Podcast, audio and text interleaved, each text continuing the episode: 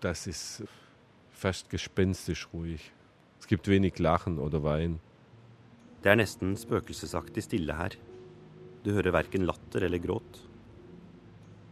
Store, dystre saler fylt med menneskeskjebner. 180 km med papir ligger igjen etter det mange kaller det røde diktatur. Hit kommer tidligere DDR-borgere for å lese mappene sine. Ich äh, verstehe das manchmal gar nicht. Ich gucke mir das auch ungern an. Sie hören ganz selten etwas. Jeg forstår det ikke, og jeg liker ikke å se på. Du hører sjelden noe annet enn lyden fra papir som vendes. Denne spøkelsesaktige stillheten er skremmende, særlig når du tenker på hvor viktig informasjon det dreier seg om. Mange som kommer hit, har sittet flere år i fengsel. Og de vil vite hvem det var som forrådte dem. Hvem fortalte at jeg var uenig med makthaverne? Hvorfor fikk ikke mine barn studere? Og hvem var det som fortalte at jeg hadde tenkt å flykte? Slike spørsmål får de svar på her i Stasi-arkivene. Und von morgens um acht bis, Sie haben mir dann schon extra lange Zeiten eingeräumt, glaube bis 17 Uhr durfte ich Akten lesen.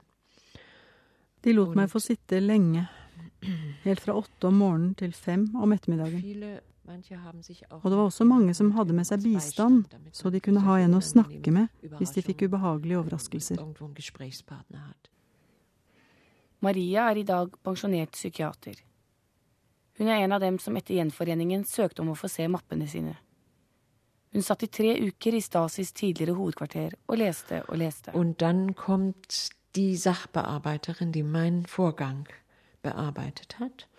Så kom min saksbehandler, som fortalte meg litt om hva hun hadde funnet ut, og hvordan jeg skulle gå frem. Du har fått et eget bord, sa hun, og fordi det er så mye om deg, så har vi lagt alt på en tralle. Maria ville vite hvorfor noen mennesker ikke lenger så henne i øynene. Var det fordi de hadde vært klienter hos henne? Eller fordi de hadde spionert og tystet?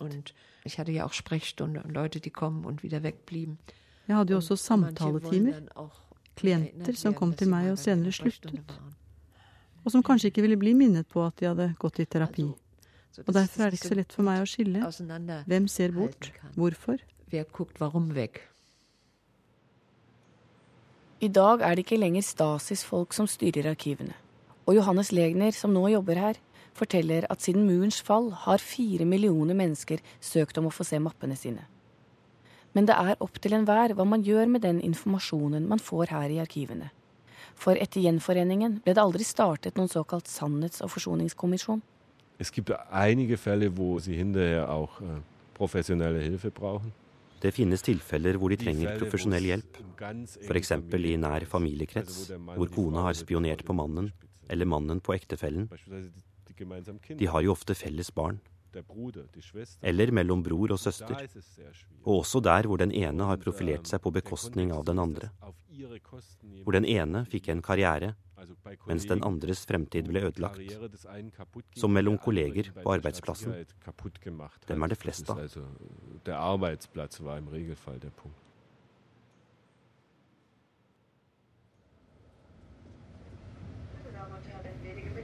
erreicht hier Zug Stendal. Dort haben Sie Anschluss zum Interregio 2036 Elbflorenz.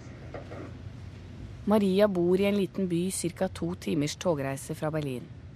Her har hun bodd store deler av livet sitt.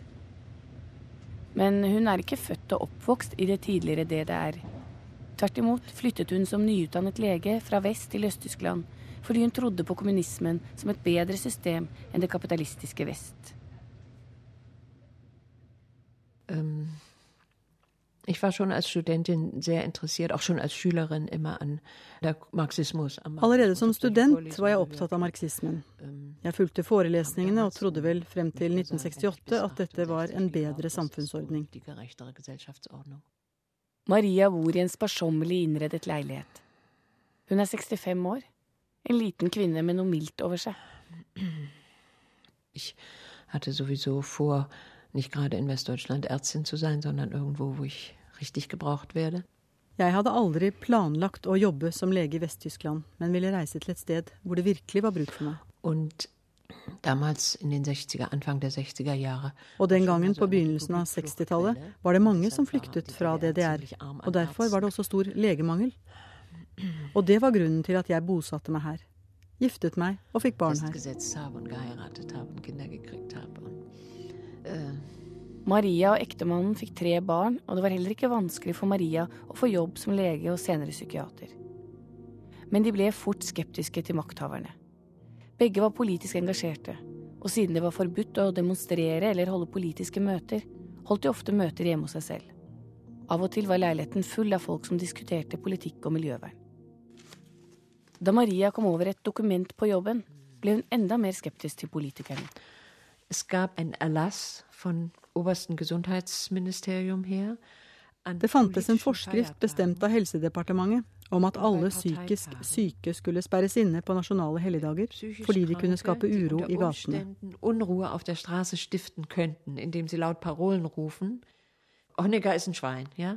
Det å rope f.eks. 'Honecker er et svin' var upassende på en nasjonaldag, og derfor skulle man fjerne slike folk fra gatene.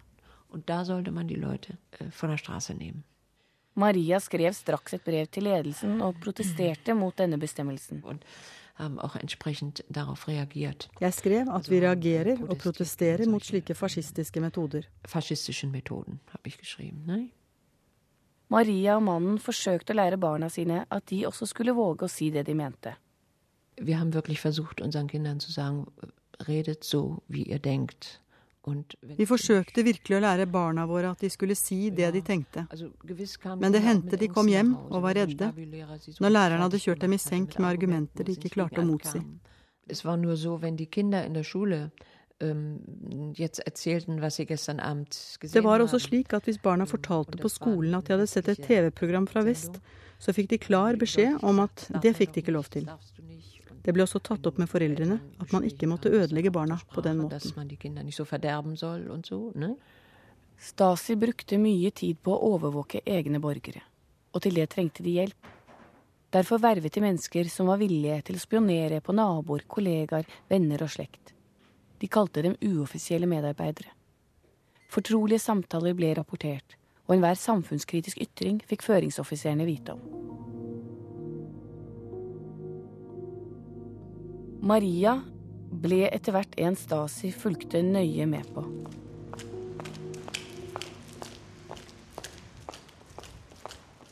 Stasis tidligere hovedkvarter. Et enormt område med store, grå bygninger, før omgitt av et metallgjerde. Her var det vakttårn, fengsel, en underjordisk gang og i kjelleren en bunkers som Stasi-sjefen Milke skulle kunne gjemme seg i hvis han ikke kom seg ut i tide.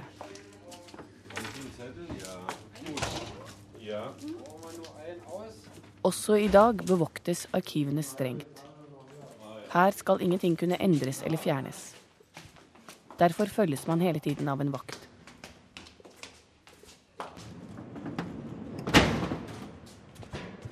I et stort rom på størrelse med en gymsal står det rader av metallreoler, som nederst har et håndtak slik at hyllene kan skyves på. Og dette er bare en liten del av Stasis millioner av mapper.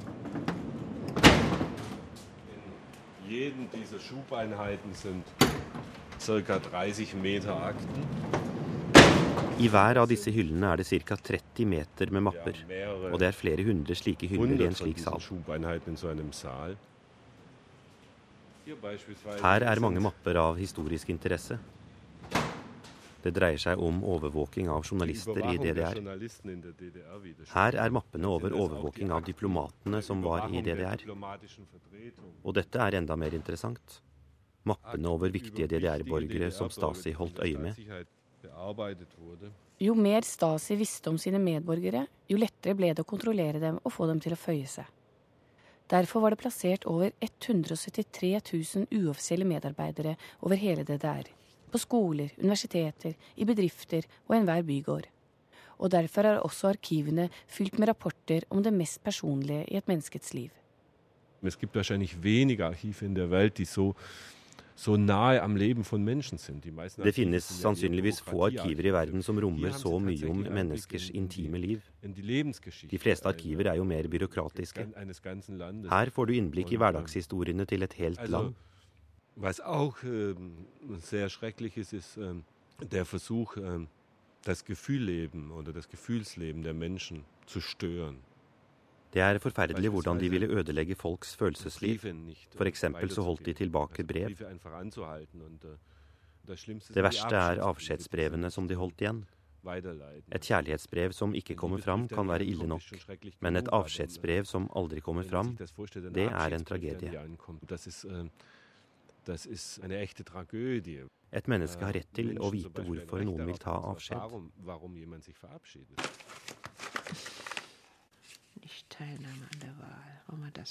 Maria sitter med en stor skittentøyskurv foran seg. I den har hun flere kopier av alt materialet Stasi hadde om henne. Hun har også flere pappesker fylt med mapper.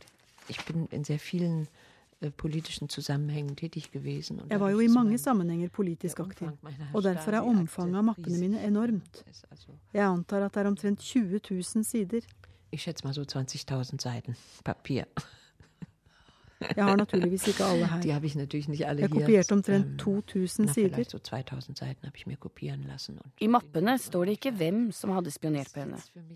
De uoffisielle medarbeiderne hadde nemlig dekknavn. Og Maria kan ähm, lese at også hun fikk ulike navn. Jede mm, episode in meinem Leben äh, kriegte ich von der Stasi andere äh, Spitznamen. Also hier war ich Abwasser. Jeg fikk ulike kallenavn i forskjellige faser i livet. Her var jeg kloakk. Her kalles jeg dissident. Det er litt mer ærefullt. Nevrolog kalte de meg lenge. Og motstand.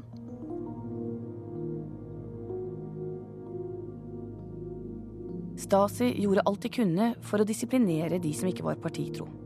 I DDR var det ikke frie valg, og derfor nektet Maria å stemme. Men slike ting gjorde man ikke upåaktet. Hennes barn ble nektet skolegang. Sind alle drei nicht zum Abitur zugelassen worden, weil die Eltern eben sich nicht entsprechend gefügig verhalten haben? Ingen av de tre fikk ta artium, fordi de hadde foreldre som ikke var føyelige. DDRs makthavere ønsket heller ikke at samfunnskritiske personer skulle få noen karriere. Og i dag kan Maria lese at flere av hennes pasienter ble anmodet om å bytte psykiater. Es gibt auch eine Reihe von ähm, Patienten, die früher, also vor der Wende, mal bei mir in der Sprechstunde waren und dann nicht mehr kommen durften. Det fantes også pasienter som gikk i terapi hos meg, men som fikk beskjed om å oppsøke en annen psykiater fordi Stasi mente at jeg kunne påvirke dem med min politiske holdning. I spisestuen til Maria var det avlyttingsutstyr. Og i dag kan hun ordrett lese i mappene samtaler hun har hatt i sin egen leilighet. Det hendte vi sa litt spøkefullt at vi skulle skru opp radioen mens vi snakket. Men det at vi virkelig ble avlyttet, forsto vi først da vi så mappene. Telefonen ble også avlyttet. Og posten. Alle brevene vi fikk, ble også kontrollert. Altså alle brev de man empfangen hat. Nå i ettertid kan Maria også lese at Stasi hadde planlagt å beskylde henne for ting hun ikke hadde gjort. Planen var å gjøre henne ansvarlig for en annens selvmord. Det var einmal so, dass ein Pfarrer hatte sich das Leben genommen Stendal. Det var en prest her i byen som begikk selvmord, og Stasi hadde vel observert at han ofte kom ned trappen der hvor jeg jobbet, og så antok de at han var min pasient.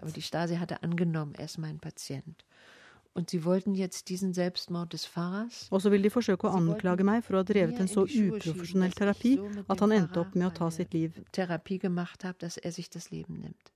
Men anklagene mot meg ble det ikke noe av. De fant vel ut at han ikke var min pasient.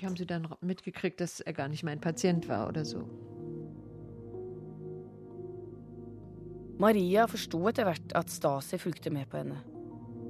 Men hun visste ikke hvilke personer som var involvert. Men et sted hvor hun følte seg helt trygg, var på arbeidsplassen. Hun likte å jobbe som psykiater og trivdes med kollegene. Vi haben, um vi var ganske sikre på at ingen av oss hørte til Stasi, men vi tenkte at vi muligens ble overvåket. Og vi forsøkte å hjelpe hverandre med å bli kvitt angsten for denne usynlige makten. Særlig holdt Maria seg mye sammen med sin kollega Ilse. Ilse deltok også på flere av de politiske møtene. Og da Maria for mange år siden flyttet til byen, var Ilse en viktig støtte på jobben. Jeg lærte mye av henne. Hun ble sosialarbeider rett etter skolen og kjente mange av problemklientene i dette området. En dag døde mannen hennes. Han hadde vært veldig syk. Etter det kom vi mye nærmere hverandre. Ettersom årene gikk, ble Maria flere ganger tatt inn til forhør. På vei til et foredrag eller et hemmelig politisk møte hendte det at politiet stoppet henne og tok henne med seg. Men hun slapp alltid ut. Bare én gang måtte hun bli et døgn. Mm, jeg tror også det ville vært en del som hadde reagert om jeg var blitt fengslet. Og jeg antar også at man fra øverste hold tenkte at det er bedre vi observerer slike folk enn å sperre dem inne. Da får man mer informasjon. Da kriegen vi mer informasjon. For Maria, som en gang hadde flyttet som idealist fra vest til Øst-Tyskland, var det en stor lettelse da muren falt november 1989. På den tiden turte de å protestere offentlig. Og hun var akkurat på vei hjem med en gruppe demonstranter da hun fikk vite om murens fall. Mm.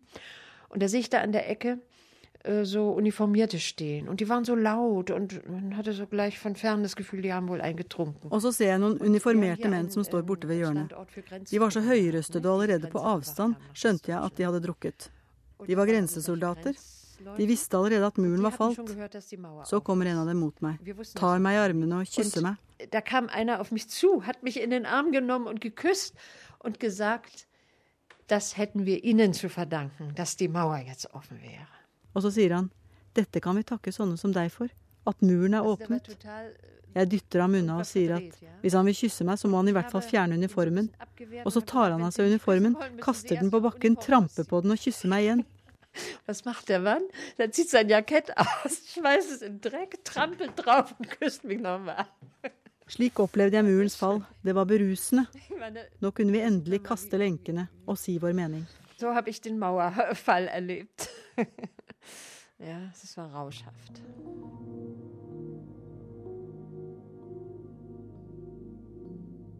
Over 90 000 offisielle Stasi-medarbeidere og over 173 000 uoffisielle medarbeidere sto nå i fare for å miste sine verv. Men også i fare for å bli avslørt i kriminell virksomhet. Derfor var det mange som forsøkte å ødelegge arkivene. Mit dem Fall der Mauer war den meisten Stasi-Offizieren klar, dass es erhebliche Probleme gibt und dass sie wahrscheinlich mit diesen Akten größere Probleme haben als ohne sie. Also da muren falt, skjønte Stasi-folkene at de kunne få problemer med disse mappene. Manche haben versucht, das zu machen, indem sie Akten verbrannten. Det var vanskelig å kvitte seg med dem.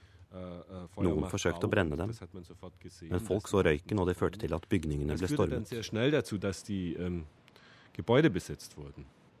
Og man fant ikke bare 180 km med mapper i Stasi-bygningene, men også filmer, bilder og tusenvis av hermetisk lukkede glass. Og i hvert glass en gul klut fylt med menneskelukt. Man hat Geruchsproben gesammelt, mehrere tausend Geruchsproben von Menschen. Man samlet flere tusen luktprøver fra mennesker. Ved forhør eller lignende ba man dem sette seg på et stoffstykke eller tørke svetten med det, f.eks. under armene. Og så la man det i konserveringsglass, slike som man også oppbevarer frukt i. Man. Og hvis man etter fem år konfronterte en hund med denne lukten, kunne man bevise om vedkommende person hadde vært et spesielt sted eller ikke.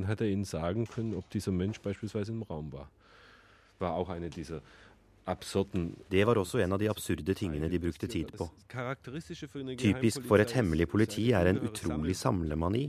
Brev, telefonsamtaler, observasjoner. Man vil vite alt fordi man tenker at det kanskje kan komme til nytte. Det hører jo også med at de ikke hadde noen rettslige begrensninger. Det skiller dette politiet fra andre. Og Stasi vervet altså mennesker til å spionere på sine egne. En slik uoffisiell medarbeider kaller tyskerne en spitzel. Og en slik spion måtte også skrive under på at han tok på seg et slikt oppdrag. Det er en typisk spitzelakte Alle mappene du ser her, er fra denne typen spioner. Og dette er en typisk personalmappe fra en Spitzel. Her er den velkjente underskriften på at han forplikter seg til å jobbe for Stasi. Ich verpflichte mich auf freiwilliger Basis, das MFS in seinem Kampf gegen die Feinde der DDR zu unterstützen. Jeg forplikter meg frivillig til å støtte MFS i kampen mot DDRs fiender. Jeg forplikter meg til å rapportere skriftlig alle handlinger og opplysninger som kan være negative mot SEDs politikk, mot DDRs regjering og Warszawapakten. Jeg vil også rapportere om alle andre typer kriminelle handlinger.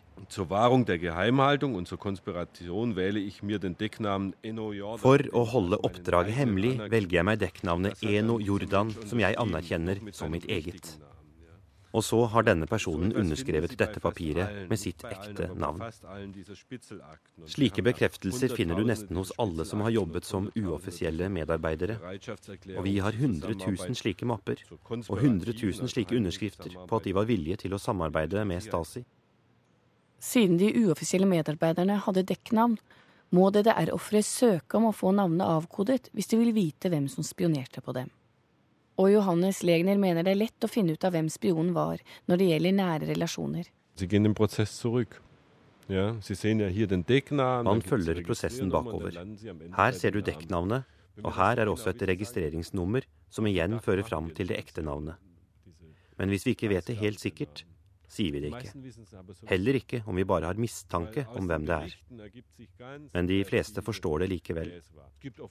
I rapportene er det ofte nøyaktige beskrivelser som viser hvem det dreier seg om. Men hvis det ikke finnes slike, da er det vanskelig. Etter gjenforeningen ble mange østtyske bedrifter nedlagt.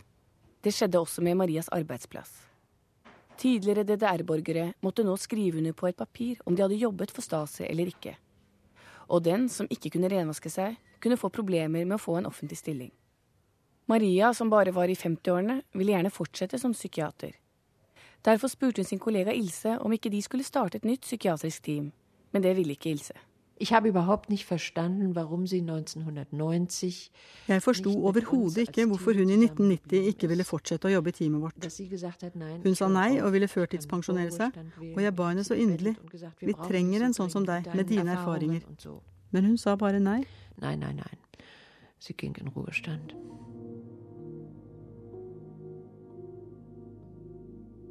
Maria søkte så om å få se mappene sine og der kunne hun lese at Stasi hadde satt over 40 uoffisielle medarbeidere til å spionere på henne.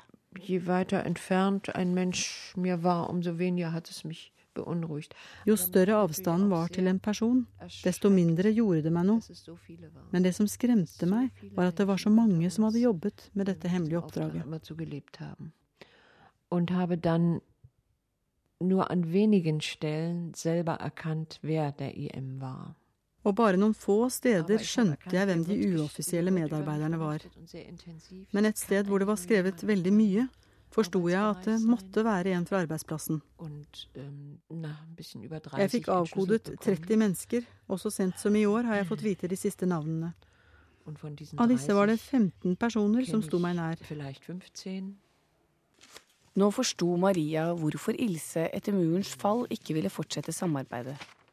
Hun hadde nemlig over flere år vært en av Stasis viktigste informanter når det gjaldt statsfienden Maria. Und das war für mich richtig, also schwere, um, schwere Kränkung.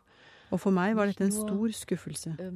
Ikke bare fordi jeg var så glad i henne, men fordi jeg heller ikke kunne skjønne hvordan jeg kunne ta så feil av et annet menneske.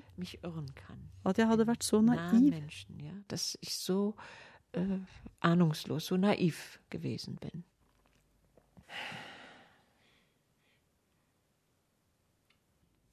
Und das war für mich richtig, also schwere ähm, Kränkung.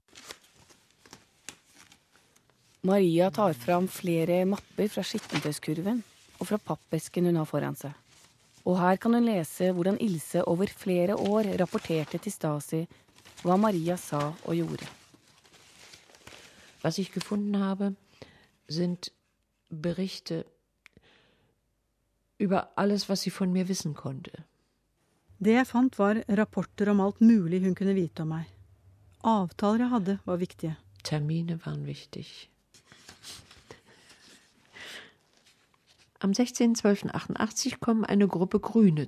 Das reicht natürlich für die Stasi. 6.12.88 kommer det en gruppe fra De grønne. Det er rett og slett simpelt. Når hun fortalte Stasi at jeg skulle ha besøk av noen fra De grønne, førte det til at de ble observert, kom på en liste og aldri mer fikk innreise til DDR.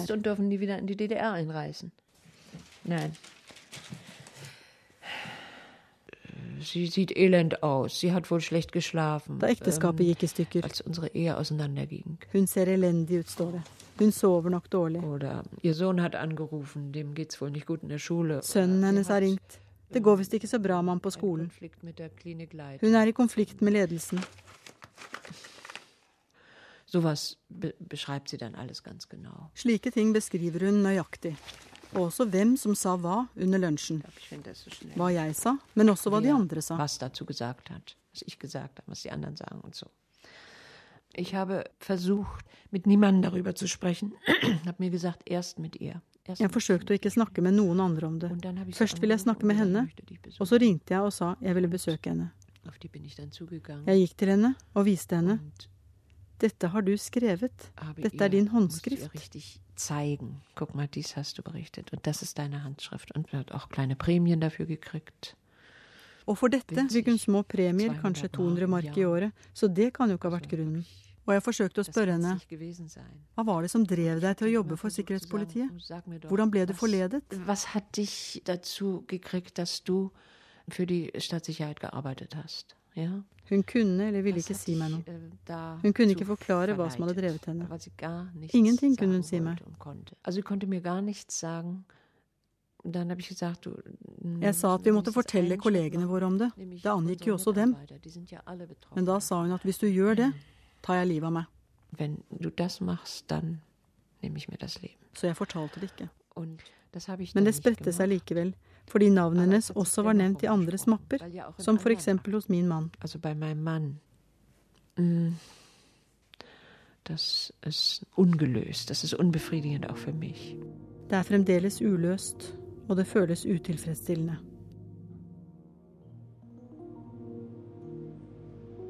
Da det ble lovfestet at Stasi-arkivene skulle åpnes, var det mange som protesterte. Man var redd for at det skulle føre til nye voldshandlinger. Die äh, Befürchtung war, dass es eben, dass diese menschlichen Tragödien sich nochmal abspielen. Man var redd for at det skulle utspille seg nye tragedier, at de som hadde blitt spionert på, nå skulle forfølge ofrene. Men det var det motsatte som skjedde. Äh,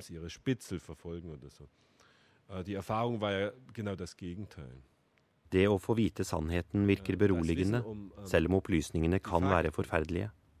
Man trenger ikke lenger å spekulere. Og bare det å få vite at det også fantes noen som sa nei til å spionere på deg, det er slike ting som gjør godt. I mappene kan man nemlig også lese om de menneskene som nektet. Es gibt ja viele Fälle in den Akten, wo jemand sich weigert.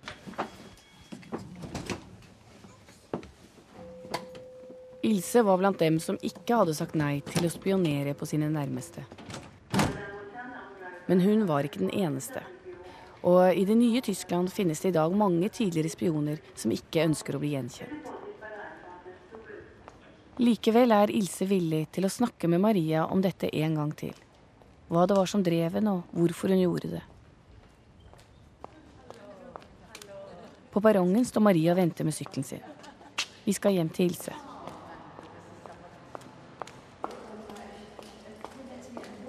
Maria sier at hun opplever det som et mirakel at Ilse er villig til å snakke med henne enda en gang. Ilses leilighet ligger i en brostensgate med små murhus på rekke og rad. Hun bor i annen etasje og møter oss nede ved hageporten. De to kvinnene håndhilser ikke og begynner fort å snakke om vær og vind.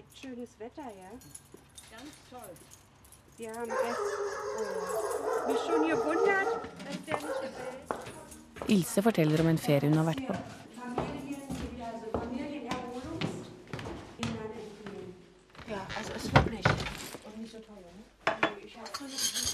I stuen er bordet dekket.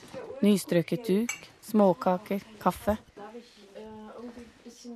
Det første Maria gjør når hun kommer inn, er å spørre om hun kan trekke for gardinene. Hun vil ikke ha lyset i øynene. Det minner henne om de gangene hun har vært i forhør. Hatte hinter sich eine Lampe, ja, und ich musste immer ins Licht gucken und konnte nie sein Gesicht Dann sehen. Setzt du dich doch hier hin. Das ist eine komische Situation. Dette er en merkelig situasjon, men jeg vil at du skal vite at jeg ble veldig glad for at du ville treffe meg. Jeg tenkte at det kan være bra for oss begge. Maria vil gjerne vite hvordan det hele begynte.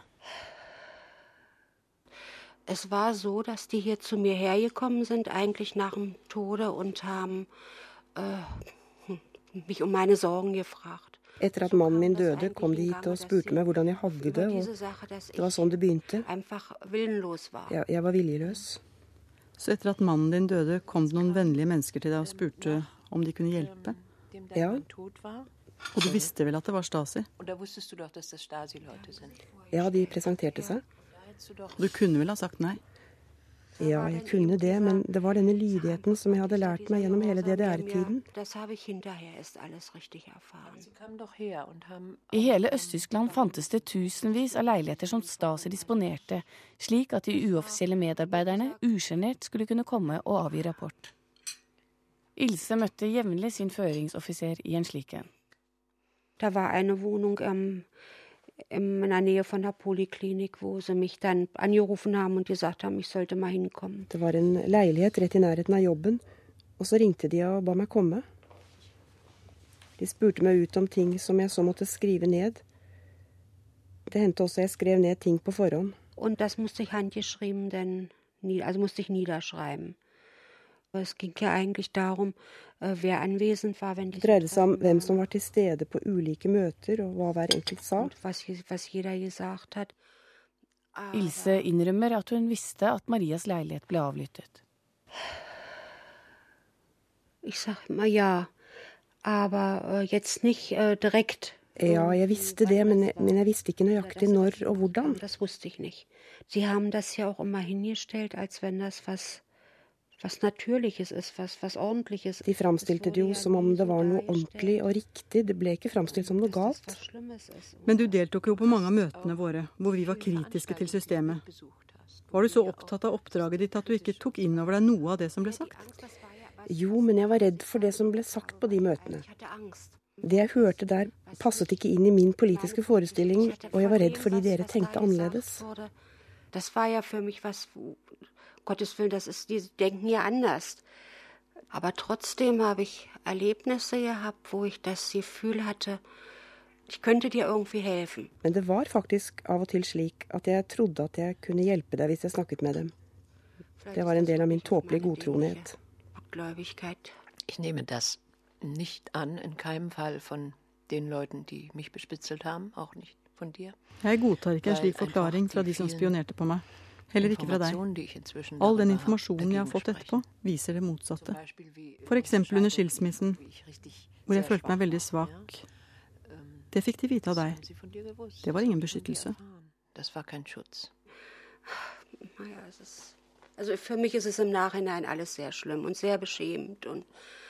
Nå i ettertid ser jeg jo hvor ille det var, og jeg skammer meg. Jeg har tenkt så mye på det, hatt mange søvnløse netter, men jeg kan ikke snu tiden tilbake.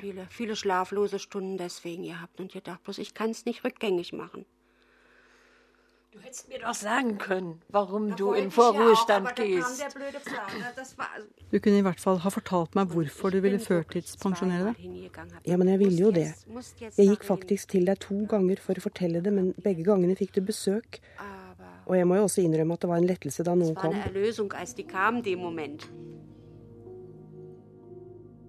Hvis Ilse skulle få en offentlig stilling i det nye Tyskland, måtte hun svare skriftlig på spørsmålet Har du jobbet for Stasi? Hun ville ikke svare på det, og derfor valgte hun heller å gå av med pensjon. Das traute ich mich nicht hinzuschreiben. Nein, konnte ich nicht schreiben. Also das war ja nur wieder mein Gehorsam. Lügen willst du ja nicht. Und ja traute ich mich nicht. Jeg turte ikke å skrive under på det. Nei, kunne jeg jo ikke skrive. Jeg ville ikke lyve. Ja turte jeg ikke å skrive. Det var feighet. Das war auch die schlimmste Zeit in meinem Leben. Also, es war schlimm, als ich, als ich meinen Mann verloren habe, aber viel schlimmer. Det var den verste tiden i mitt liv. Det var ille da mannen min døde. Men dette jeg hadde stelt i stand her, var verre. Og også tiden senere. Hadde det ikke vært for dette, hadde jeg kunnet fortsette å jobbe. På den måten ødela jeg mine ti siste arbeidsår.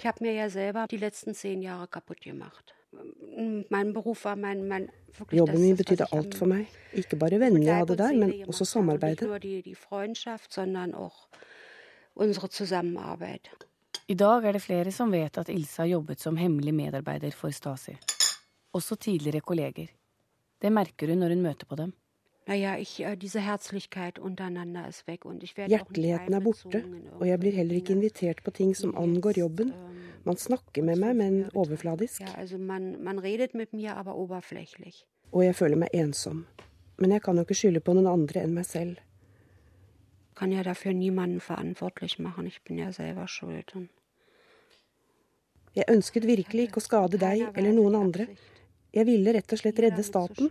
Noe i den retningen, i hvert fall. Ich wollte einfach ich, den Staat retten, vielleicht. So in der Richtung. Also, ich sage, ich war verblendet und gehorsam. Jeg var forblindet og lydig. Du warst überzeugt vom diesem Sozialismus. Du var overbevist av sosialismen? Ja, det stemmer. Overbevist på den måten at jeg ikke visste om noe annet enn det det er. Det var her jeg gikk på skolen, det var her jeg lærte alt. Og vi lærte også om alt som var galt med kapitalismen. Vi godtok at vi ikke fikk se på TV-programmer fra vest. Det var sånn det var. Aber es war eben so. Ich muss ja auch sagen, dass ich lange von diese, davon überzeugt war, dass dies das bessere System ist. Jeg må jo si at jeg også i lang tid var overbevist om at dette var et bedre system enn det vestlige, helt til Praha-våren. Men det som er ille, er at jeg ikke selv kan forstå hvorfor jeg gjorde det. Hva som fikk meg til å gjøre og skrive slike ting.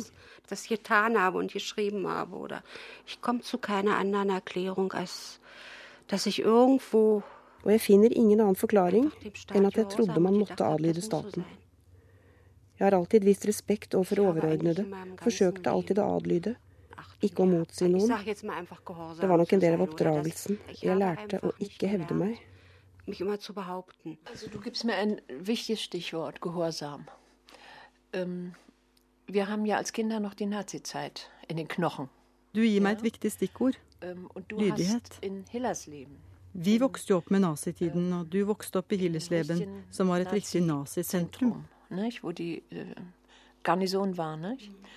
Mein Vater war auch irgendwo var gehorsam, vil jeg mal sagen. Faren min var også en som adlød. Han kom fra krigen og jobbet i Hillesleben til 45, og jeg kunne heller aldri si imot foreldrene mine. Ilse ser ikke på seg selv som et offer, men som en gjerningsmann. In dem Sinne von der, von der Staatssicherheit und in der Aufbearbeitung von Täter, so würde ich das schon sehen.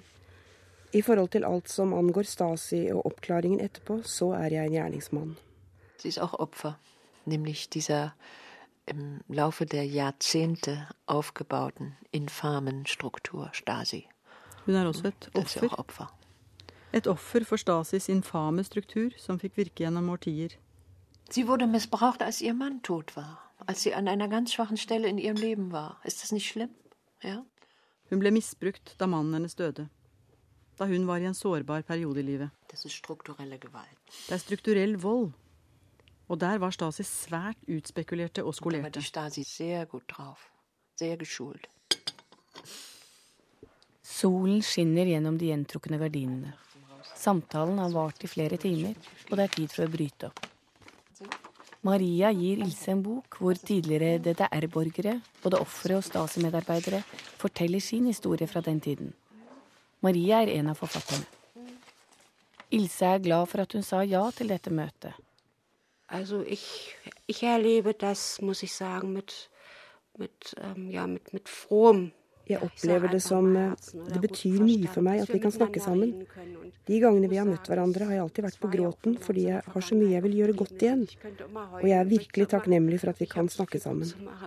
Und bin wirklich dankbar dafür, ähm, dass wir miteinander reden können. Und Heute, denke ich, sind wir noch einen Schritt weiter gekommen durch dein Stichwort Jeg opplever at vi har kommet lenger i dag pga. ditt stikkord lydighet.